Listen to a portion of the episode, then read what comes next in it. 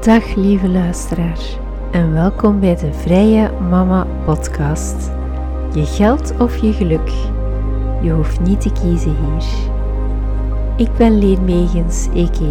Vrije Mama en ik begeleid je met wat tough love naar meer financiële en innerlijke vrijheid. Luister je mee? En welkom bij een nieuwe aflevering van de Vrije Mama Podcast.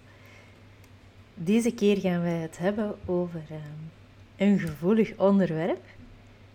Je ziet er twee heel andere dingen samenkomen. Namelijk drie geldgesprekken die je met je partner moet voeren. Nu, waarom uh, is dat een beetje gevoelig? Omdat um, ja, relaties, partner, liefde, we hebben daar doorgaans een heel romantisch beeld van. En dat is uiteraard ook uh, romantisch. Maar dat wil niet zeggen dat je moeilijke gesprekken uit de weg moet gaan. Bijvoorbeeld gesprekken over geld. Zeker als je op zoek bent naar iemand om echt je leven mee te delen. Of als je al een tijdje samen bent, maar merkt dat er steeds dezelfde ruzies ontstaan.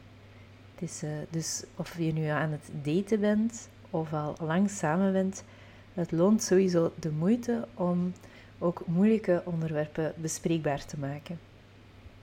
En ik ga uh, niet gewoon uh, tips geven, ik ga wel wat vertellen over uh, essentiële geldgesprekken aan de hand van mijn eigen liefdesverhaal, om het zo te zeggen, of ons eigen relatieverhaal. We zullen even beginnen bij het begin. Want toen ik nog single was, en zelfs nog een tijdje terug, toen ik nog een student was die nog helemaal niet bezig was met, uh, met wie wil ik mijn leven delen, wil ik een gezinnetje. Daar zat mijn hoofd toen nog niet op die leeftijd.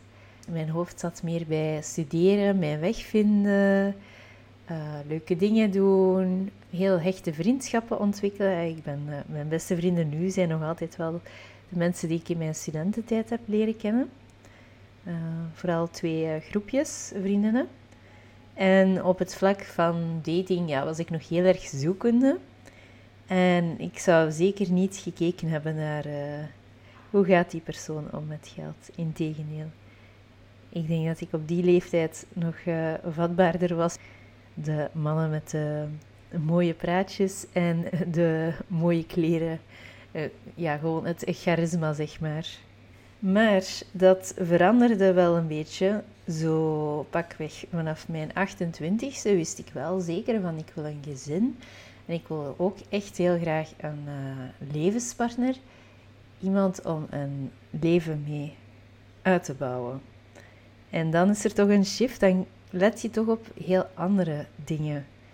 Uh, want ja, een leven is lang. Hè? Uh, dan draait het niet meer om wie heeft er mooie kleren dat zijn dingen die je gemakkelijk een beetje kunt veranderen of toch invloed op uh, uitoefenen als je dat zou willen.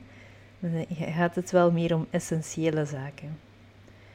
En het eerste gesprek, en dit is geen, hoeft daarom geen uh, expliciet gesprek te zijn, dat kan hem ook tussen de lijnen doorgebeuren. Het eerste gesprek dat je best wel hebt in de datingfase is uitgavenpatroon. Het zou kunnen dat jij een heel ander uitgavenpatroon hebt dan je partner of je toekomstige partner.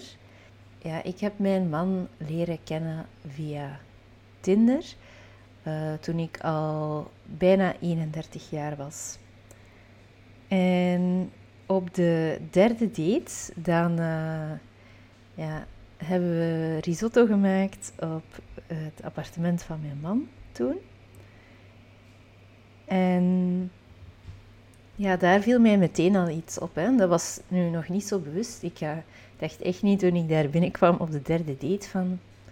Hm, hier zit wel iets in. Ik ga een keer zijn uitgavenpatroon bestuderen. Maar wat ik toen wel onbewust opmerkte...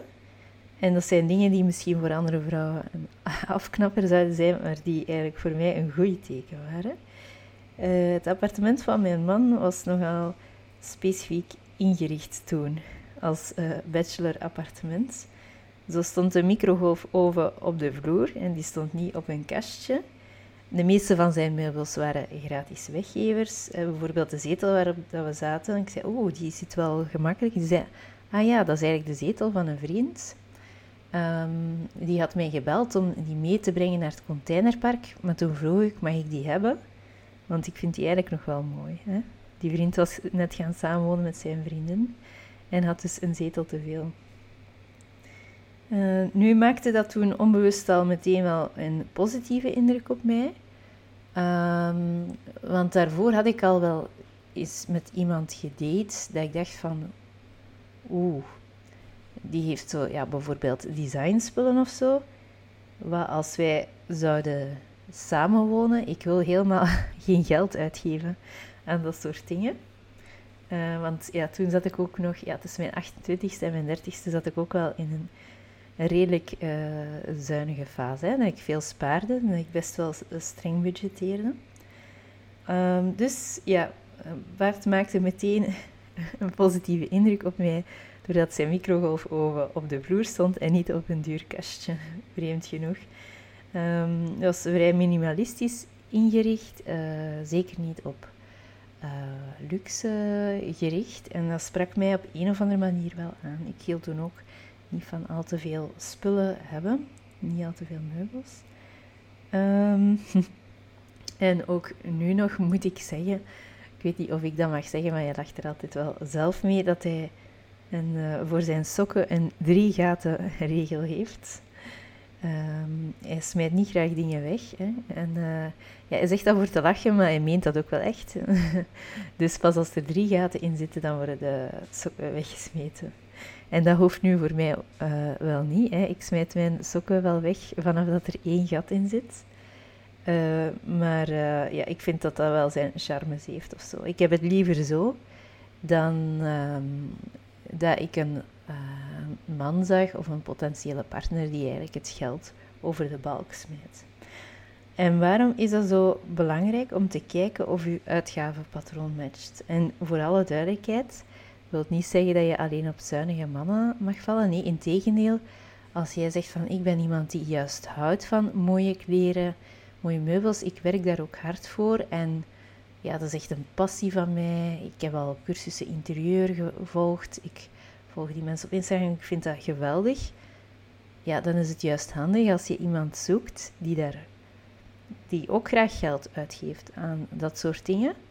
Um, het gaat er meer om dat je op dezelfde lijn zit, op dingen die je later samen gaat moeten aankopen of beslissen. Als die relatie van de grond geraakt, als je echt gaat samenwonen, dan worden zo'n dingen opeens belangrijk. Hè. In de datingfase kan iedereen nog zijn eigen uitgaven doen, eigen meubels, maar als er wordt samengewoond, is het toch wel handig dat je wat op dezelfde lijn zit. Hè. Want anders gaat er um, wel een discussie ontstaan die eigenlijk een soort van blijvende discussie zal zijn. En ik denk ook dat kleine verschillen gezond zijn en zelfs jezelf uitdagen om eh, flexibel te blijven, om compromissen te kunnen maken in het leven. Maar stel dat je echt alle twee tegengesteld bent op dat vlak, dan zou het wel eens een uh, bumpy ride kunnen worden, denk ik. Ja, waarom? Omdat hmm, ja, dat kan heel uh, aanvoelen als je niet graag geld uitgeeft met je partner en, en je hebt ergens een, ook een gemeenschappelijke rekening voor bepaalde dingen geef veel geld uit. En omgekeerd, als je heel graag van het leven geniet en je partner doet er allemaal niet aan mee, dan kan je misschien ook het gevoel hebben dat je tekort wordt gedaan of, of dat je je moet inhouden of wat dan ook. Uh, al is het uiteraard altijd wel gezond om ergens een evenwicht te vinden, hè? ook voor jezelf. Um, dus ja, dat was de eerste, uh, het eerste geldgesprek dat je best wel hebt over het uitgavenpatroon. En uh, nogmaals, uh, dat hoeft niet heel letterlijk te zijn van kom, uh, het is de vijfde date, we gaan een keer ons uitgavenpatroon bespreken. Nee, um, dat, in, in de datingfase ontdek je elkaar door vragen te stellen, door te praten. En dat kan hem soms in kleine dingen zitten. Waarschijnlijk komen er allerlei onderwerpen aan bod in de loop van ergens pakweg tussen de derde en de tiende date of zo, voordat echt een relatie wordt. Van waar ga jij graag op vakantie? Ehm, wat doe jij zo al op zaterdag? Uh, dat soort dingen gaat je automatisch veel al afleiden uit uitgavenpatroon. Het zou kunnen dat je samen op restaurant gaat of samen een activiteit gaat doen. Dan zie je ook al meteen wat voor vlees dat je in de kuip hebt. Ehm, zeker op het moment dat de maskers iets meer uh, zullen zakken. Um, dan gaan we even over naar het tweede geldgesprek dat je best hebt. En dat gaat over uh, een, dilemma voor sommige mensen, want elk koppel uh, heeft daar een andere keuze in. Er zijn drie opties wat de rekening betreft. Stel, je weet dat je gaat samenwonen binnen een paar weken, komen er ook allerlei onderwerpen aan bod. Bijvoorbeeld, gaan jullie samen een gemeenschappelijke rekening openen als koppel? Of houden jullie alle twee je aparte rekening aan en uh, heb je geen gemeenschappelijk budget? Of de derde optie, en dat is ook hetgeen waar dat wij voor kiezen, dan ga je beide zowel je eigen rekening aanhouden en een gemeenschappelijke rekening openen. Um, wij kozen voor die derde piste omdat dat voor ons het fijnst aanvoelt. Uh, een gemeenschappelijke rekening is heel handig, ook pre-kids of als je geen kinderen wilt, voor uh, de boodschappen van te betalen, de energie, de huur of de hypotheek. Dat zijn toch gemeenschappelijke uitgaven. En daarnaast vinden we het fijn onze eigen rekening aan te houden om bijvoorbeeld uh, kledij, uitgaan met vrienden, um, cadeautjes voor vrienden, dat soort dingen. Uh, dat voelt gewoon het fijnst. En ook nu we kinderen hebben, hebben we ook nog alle twee onze eigen rekening. En dan kan je ook kiezen van hoeveel daarvan wil ik sparen en hoeveel daarvan wil ik spenderen aan allerlei leuke zaken. En ook qua identiteit moet ik zeggen, voelt het voor mij heel goed om, om zowel deels te versmelten met mijn man als ook nog mijn eigen stukje uh, leenmeegens aan te houden, niet de vrouw van. Maar dat is voor iedereen anders. Hè. Ik ken ook een koppel die alles gemeenschappelijk, um, een modern koppel, hè. Um, dat is daarom niet ouderwets van alles gemeenschappelijk. Die redeneren eigenlijk gewoon van ja, we werken alle twee voltijds. De, de verschillen in verdiensten, ja, dat is niet altijd ja, aan, iemand zijn schuld of zo. Hè. Dat kan zijn dat de ene een functie doet die gewoon beter betaalt. Maar dus die redeneren, we werken alle twee voltijds en we doen toch het meeste samen. Zij, uh, zij hebben al drie kinderen en ja, daar valt uiteraard ook iets voor te zeggen. Het is maar wat je comfortabel vindt. En ook voor uh, volledig apart, alles apart, uh, heb ik zeker begrip. Dat hangt er maar vanaf wat dat voor jou in jouw leven het belangrijkste is. En als ik ga kijken naar ons samenwoon verhaal, uh, dat kwam er redelijk snel aan. ik denk, we zijn al na acht maanden gaan samenwonen. Dat was in, even denken, dus we hebben elkaar leren kennen in april 2018 was de eerste date. Um, eind mei 2018 hebben we het officieel gemaakt. Toen hebben we alle twee onze Tinder verwijderd en hebben we het uitgesproken dat we een koppel waren en onze Facebook-staat is aangepast, uiteraard. En um, in december van dat jaar zijn we al gaan samenwonen.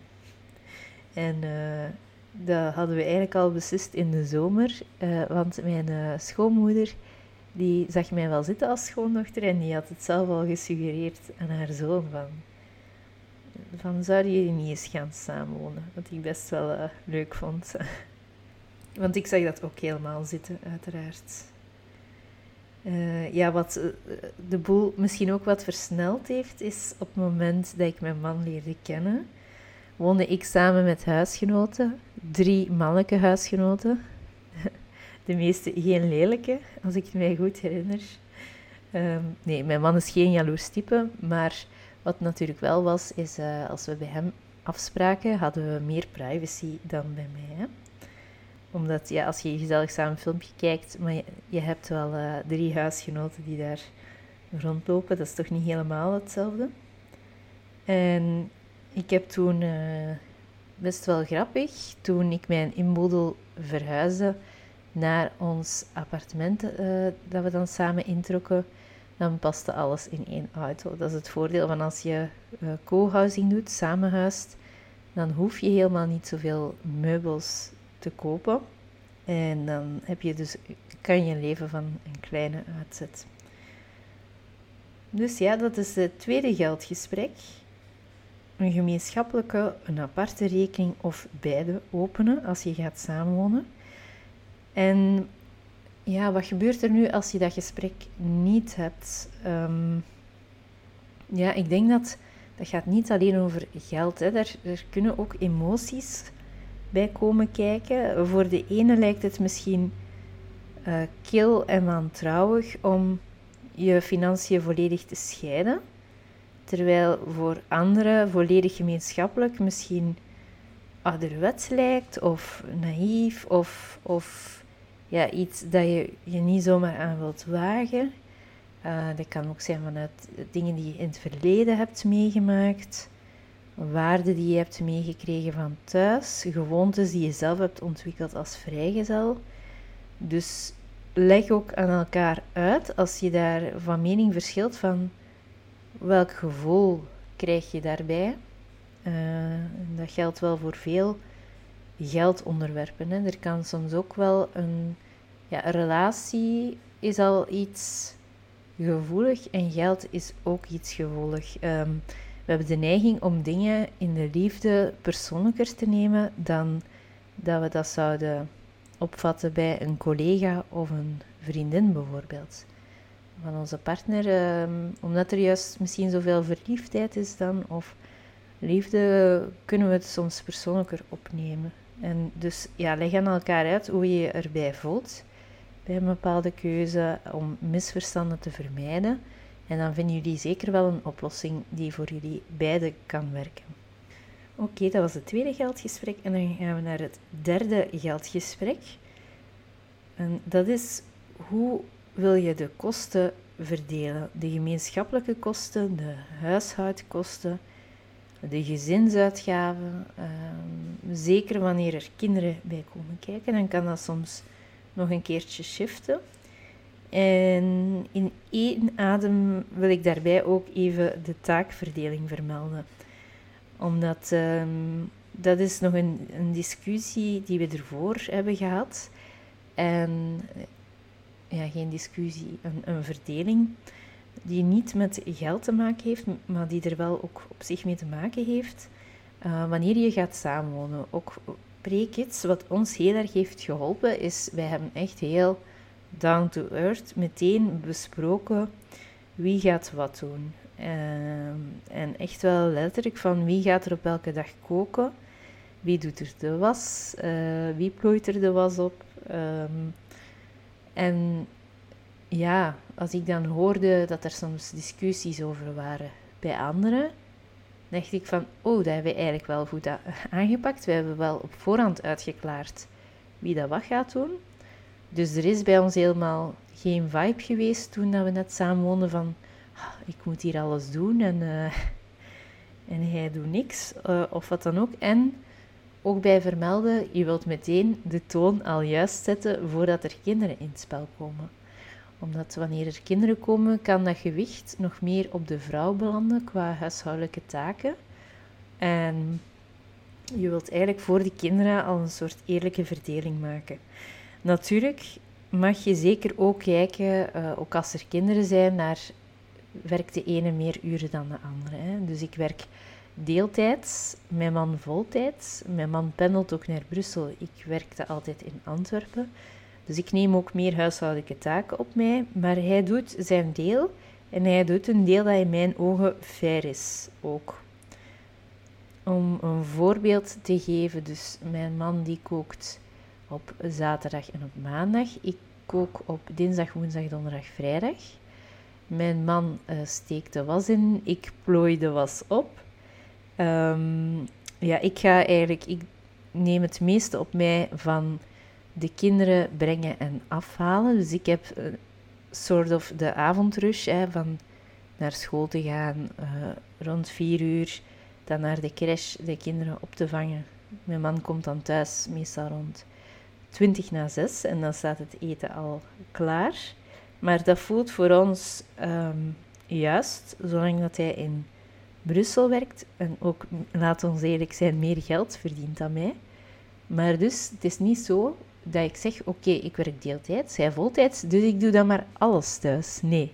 Want als je een baby hebt en een kleuter en je zegt, ik doe wel alles en ik ga ook nog eens werken, ja, dan heb je eigenlijk geen leven meer. Hè? Dus ik zou zeggen, klaar dat op voorhand uit en zet iets op papier waar je je alle twee goed bij voelt.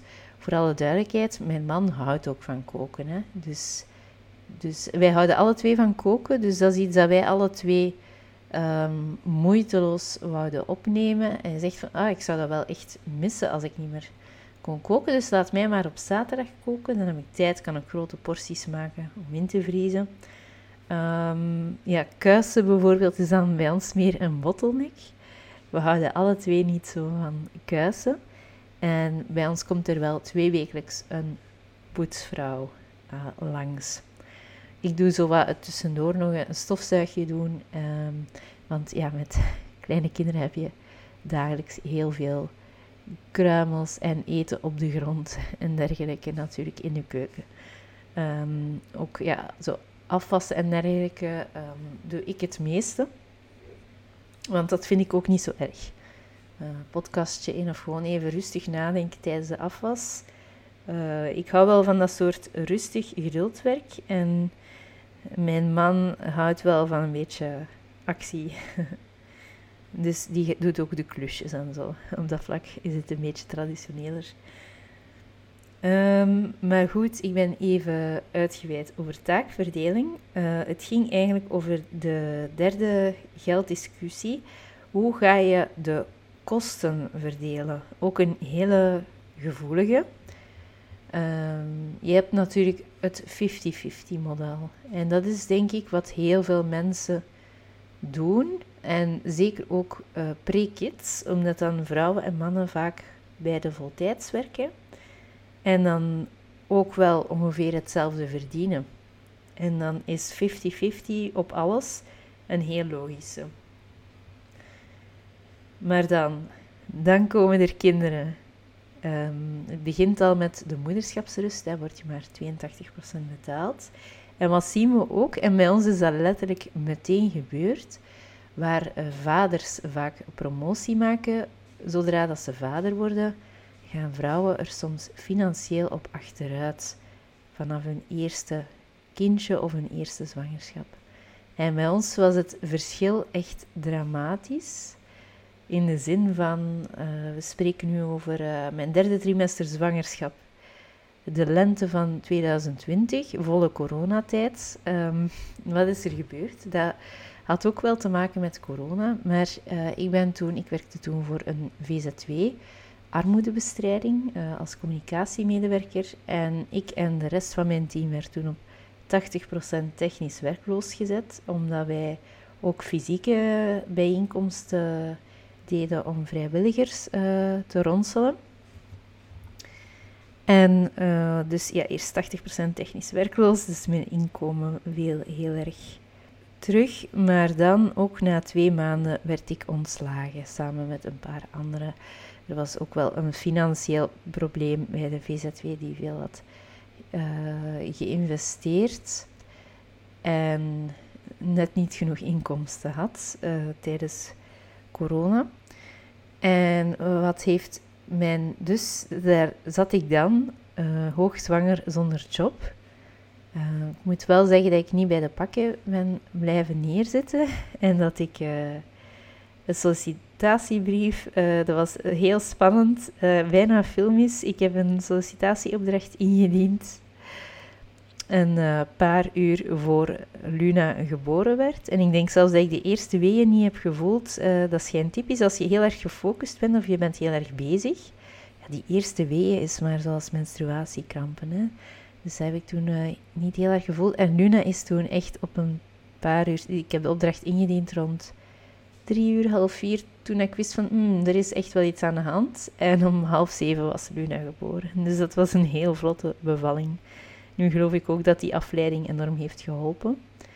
En um, ja, ik had mijn uh, gesprek, dat was toen een virtueel gesprek uh, door corona, sollicitatiegesprek, letterlijk um, drie dagen, nee, dat was vijf dagen na de geboorte. Dus uh, mijn man is toen met Luna, pasgeboren baby, even een wandelingetje gaan maken terwijl ik daar op dat gesprek zat. En dat heeft toen ook wel indruk gemaakt. Maar dus mijn inkomen was heel erg uh, teruggevallen.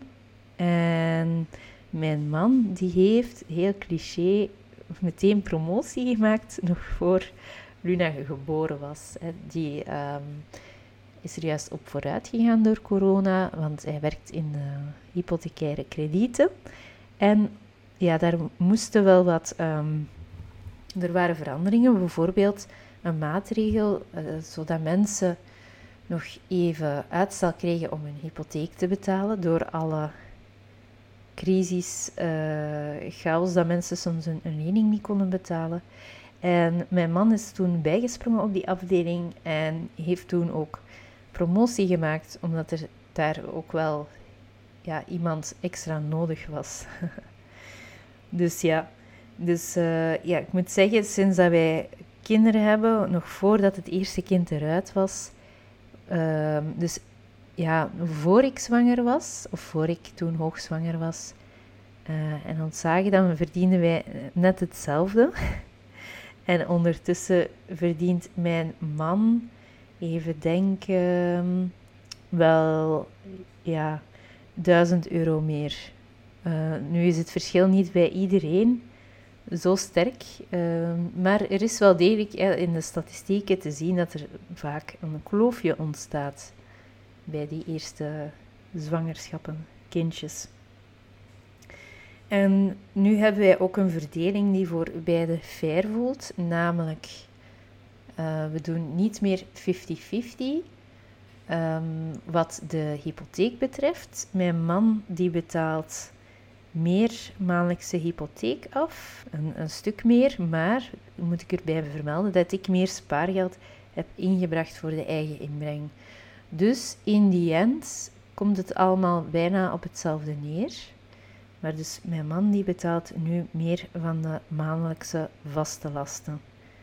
Energieboodschappen doen we wel 50-50, al de rest ook. En ja, dat voelt voor ons fair, want het verschil is nu zodanig groot. En ik doe ja, zodanig meer qua... Ja, mijn man gaat eigenlijk nooit kinderen afhalen, bijvoorbeeld. Moesten wij alles 50-50 doen, dan zou ik mij een beetje gebruikt voelen op een manier. En ja, je moet gewoon een formule vinden die voor alle twee fair aanvoelt. En dus wij hebben er echt wel bewust over nagedacht. Ook openlijk over gesproken. Om ook weer die spanningen te vermijden, om emoties te vermijden. Uh, het draait een beetje om gelijkwaardigheid. Gelijkwaardigheid en gelijk is, is niet hetzelfde.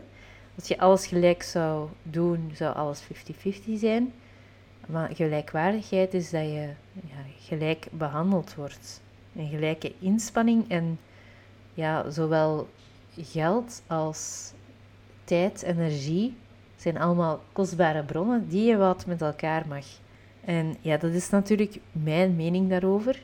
Dat kan best zijn dat je helemaal van mening verschilt. Hè. Uh, nu moet ik ook zeggen, wij zijn getrouwd. Hè.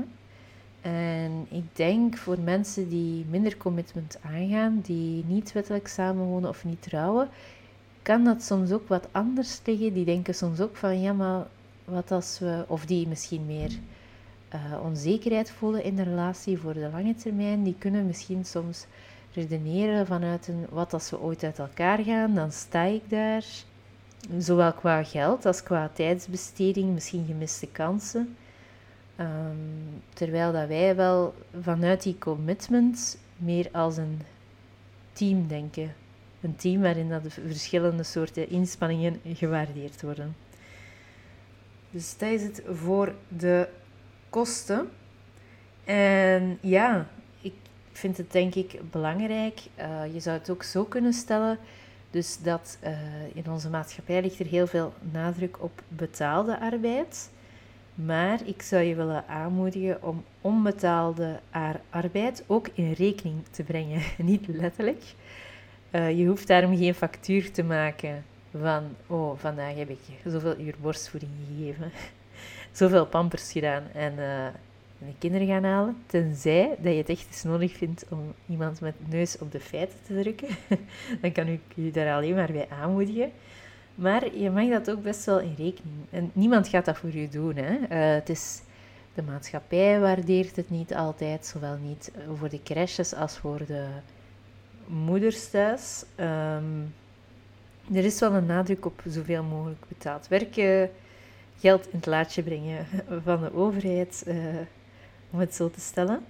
Maar dus waardeer jezelf, waardeer je eigen inspanningen, zelfs als, als ze niet betaald worden. Het blijft een reële inspanning. Hè. Maak er niks onzichtbaar van de, waarin dat je jezelf wegcijfert. Hè. Ja. ja, zeer belangrijk. Hè. Ook om inderdaad niet met lege handen achter te blijven als het ooit tot een breuk komt. Um, het is vaak zo dat het bij een breuk, bij koppels met kinderen, dat vrouwen er financieel op achteruit gaan. En mannen gaan er soms wel op achteruit qua vrije tijd. Hè, want ineens, uh, bijvoorbeeld bij co-ouderschap week om week, ineens zijn mannen een hele week zelf verantwoordelijk voor die taken en uh, kinderzorg. Um, nu bedoel ik ook absoluut niet dat mannen minder voor kinderen zorgen en altijd meer verdienen. Maar gemiddeld gezien is dat nog zo. Hè? Dus het kan zijn dat het bij jou thuis heel anders is en dat je andere klemtonen moet leggen. En ja, zeker als kinderen groter worden, ze gaan allemaal naar school, maar over die fase kan ik nog niet meespreken. Maar ik vermoed dat er dan opnieuw een shift is. Hè. Als moeder heb je weer meer beschikbare tijd. Uh, de kosten zijn ook anders. Je betaalt geen crash meer. Komen er bij school ook wel weer nieuwe verplichtingen kijken of nieuwe tijdschema's. Uh, vakanties die moeten gevuld worden in de zomer bijvoorbeeld. Uh, maar dus de bottom line is van deze drie geldgesprekken durf openlijk over zo'n dingen praten. Ehm, durf je ook kwetsbaar opstellen over wat voelt er voor jou nog niet fair. Um, krop niet alles op. Hè? En nu hoef je daar helemaal niet uh, agressief of heel confrontational in te vliegen. Je, dat zijn gesprekken die je perfect rustig uh, kan voeren. En ook een aandachtspuntje voor mij doe dat zo snel mogelijk. Hè. Ik had uh, vaak de neiging om er net iets te lang mee te wachten, waardoor het dan toch een opvliegend toontje krijgt, want je hebt het al een tijdje opgekropt, het is al een tijdje aan het broeien.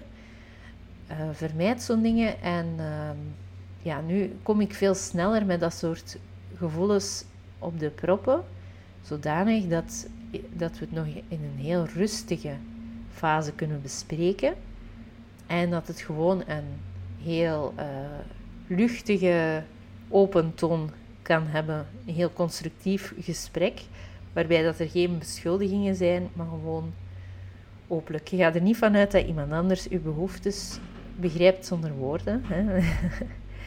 Want ja, zelf ben ik daar communicatief in, wel, met woorden, maar er zijn zeker en vast uh, mensen die verwachten dat hun partner in hun hoofd kan kijken, vermoed ik. Oké, ik vond het heel leuk om uh, hier wat over te vertellen. En ik ben zeker ook benieuwd um, hoe jullie dat verdelen. Dus uh, je mag daar ook altijd iets over delen op mijn Instagram-post dat ik hierover zal posten. Waarschijnlijk, uh, het zou kunnen dat die pas een dag later verschijnt dan dat deze podcast verschijnt. Uh, dus vandaag zijn we vrijdag. En het zou kunnen dat die post pas zaterdag op Instagram verschijnt. Of je mag me ook gerust via privébericht, via DM, slide in mijn DM's, vertel gerust iets, deel gerust iets. Uh, ik ga nooit iets delen of zo um, dat niet anoniem is gemaakt, zonder eerst toestemming te vragen, uiteraard. Oké, veel succes met de geldgesprekken en tot de volgende keer. Tada!